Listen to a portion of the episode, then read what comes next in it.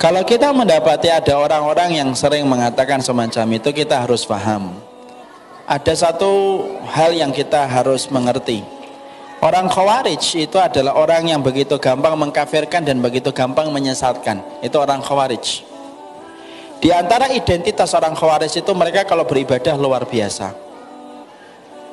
Makanya kalau saya, antum, beliau tidak ingin terkena paham khawarij adalah mari kita tidak begitu gampang untuk mengkafirkan dan begitu gampang untuk menyesatkan setiap orang.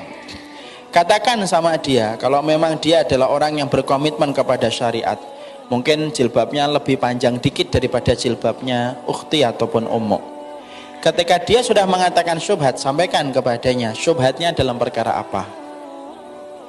Apa yang menjadikan kamu berani untuk mengatakan orang lain itu syubhat dan kemudian keterangan apa dan penjelasannya bagaimana karena apa?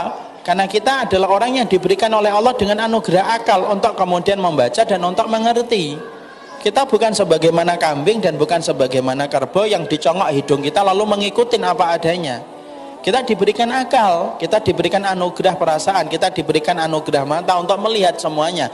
Karena itu merupakan organ untuk mendeteksi kebenaran. Sampaikan kepada dia, kamu berani untuk mengatakan syubhat itu dalam perkara apa? Maka tanya, hujahnya apa kalau mengatakan syubhat? Supaya kemudian betul-betul selesai. Kalau dia mengatakan ustadz saya yang mengatakan itu, pertanyaan selanjutnya, ustadz antum itu sudah pernah nggak ketemu dengan ustadz yang kamu katakan syubhat? Sudah pernah nggak menyampaikan hujahnya? Sudah nggak menyampaikan dalilnya? Bisa jadi ada ustadz yang kita katakan syubhat tetapi justru dia memiliki dalil daripada orang yang mengatakan dirinya syubhat. Agama ini adalah agama yang tidak ditentukan fonisnya secara instan. Tapi fonis itu memerlukan proses yang panjang. Masih ingat kasusnya Jessica yang dituduh nabur kopi sianida? Yang menuduh apa? Sianida di kopi? Bukan kopi sianida, sianida di kopi. Maka ternyata proses untuk membuktikan bahwasanya dia itu bersalah itu panjang. Siarannya itu sampai berjam-jam live lagi. Dan ibu termasuk salah satu konsumen yang melihat berita itu. Belum lagi didatangkan itu kemudian ahli dari Australia ahli dari Singapura didatangkan. CCTV diputar berkali-kali kemudian setiap kemudian tuduhan dibantah lagi sama pengacaranya loh hanya untuk membuktikan seorang Jessica itu apakah dia menaburkan kopi, menaburkan sianida ataukah tidak, itu ternyata prosesnya sepanjang itu dan sedetail itu. Padahal hanya untuk menjaga kehormatan seorang wanita yang bernama Jessica. Kalau seorang wanita kafir saja hanya untuk membuktikan dia itu bersalah ataukah tidak sampai sepanjang itu dan sedetail itu pengadilan itu ditegakkan dan menghabiskan biaya yang tidak sedikit, lu apalagi orang yang beriman. Kalau hanya mengatakan syubhat gampang. Tapi membuktikan ucapan itu harus benar. Makanya dalam Islam itu kalau sudah ada tuduhan, makanya kemudian harus disertai dengan hujah yang begitu kuat. Contoh, kita mengatakan fulan berzina, hati-hati loh. Kalau kamu sudah mengatakan fulan itu berzina, kamu akan ditanya saksinya, empat orang saksi. Kalau kamu melihatnya berarti kurang tiga. Padahal kalau kita perhatikan, siapa yang tega melihat zina itu empat orang bareng-bareng? ada dua orang liatin Masya Allah sini sini sini itu empat Masya Allah masih kurang tiga masih kurang satu di WA cepet sini akhi Masya Allah gitu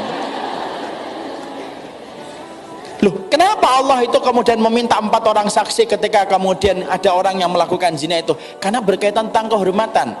Tapi sebaliknya, ketika Allah kemudian memberikan syariat, kalau kita mulai puasa, butuh berapa orang saksi yang melihat hilal? Empat? Enggak, satu saja. Oh, ada orang kemudian besok kita misalkan ini akhir Ramadan, ternyata sore nanti ada yang melihat hilal. Satu orang saja sudah cukup untuk mulai puasa itu besok. Kenapa masalah hilal cukup satu orang, tetapi kenapa tuduhan zina harus empat orang? Karena kalau sudah berkaitan tentang kehormatan orang itu jadinya berat.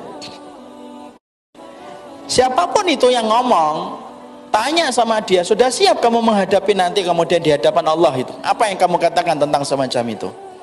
Karena orang tersebut ketika kemudian dikatakan ustadznya subhat fulan fulan fulan fulan gitu. Insya Allah saya sih tidak ada ustadz yang lain mungkin.